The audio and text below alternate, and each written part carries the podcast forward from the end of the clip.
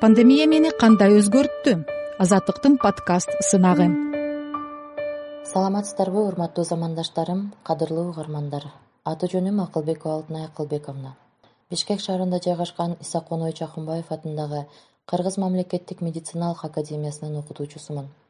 Пандемия мени кандай өзгөрттү? Бул суроону апаттын таасирине кабылган ар бир инсан өзгөрүү болгонун айта алышат деп ойлойм. Себеби дүйнөнү анын ичинде биздин өлкөнү каптаган пандемия жеке эле мага эмес бүткүл замандаштарыбызга жашоонун маңызын туя билүүгө. Тиричиликтин жыргалы бийлик мансап байлыкта эмес. Эң башкысы адамдык абийир нарк насилде экенин айдан ачык көрсөтүп кеткендей. Коронавирус илдети баардыгын бириктирүүчү көйгөй болду.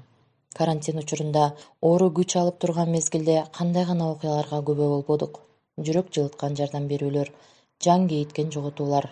Айтор бирде ичиң жылып бирде жүрөгүбүз ооруп жатты. Бул апатка каршы күрөшүүдө алдын алууда мен эмгектенген окуу жай чоң салымын кошто десем жаңылбайм. Баардыгыбыз жапа тырмак кериштик жер жерлерге кесиптештерибизди узатып жаттык.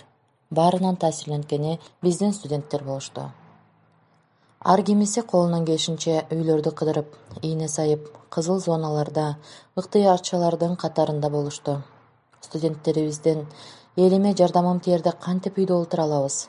Биз өлкөбүздүн өмүр сакчыларыбыз да. Ушул өңдүү сөздөрдү угуп жүрөгүм жылыды.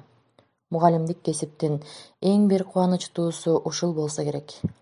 Сен тарбиялап жаткан окуучу эл кызматын аркалап келечекте үмүт тартуулаганы кандай гана бакыт экенин сезе алдым.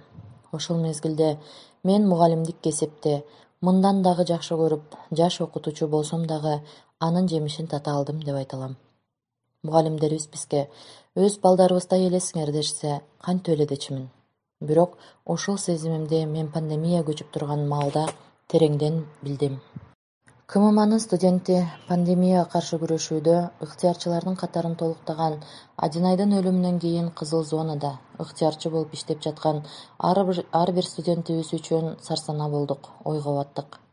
Алардын көпчүлүгү оюн тамашага той элек жаш балдар болсо бул оорудан кийин кадимкидей токтолуп жашоого болгон көз караштары өзгөргөнүн байкай алдым. Көрсө адам баласы бир көз ирмемде бой жетип бир мүнөттө картайып кетиши ыктымал экен.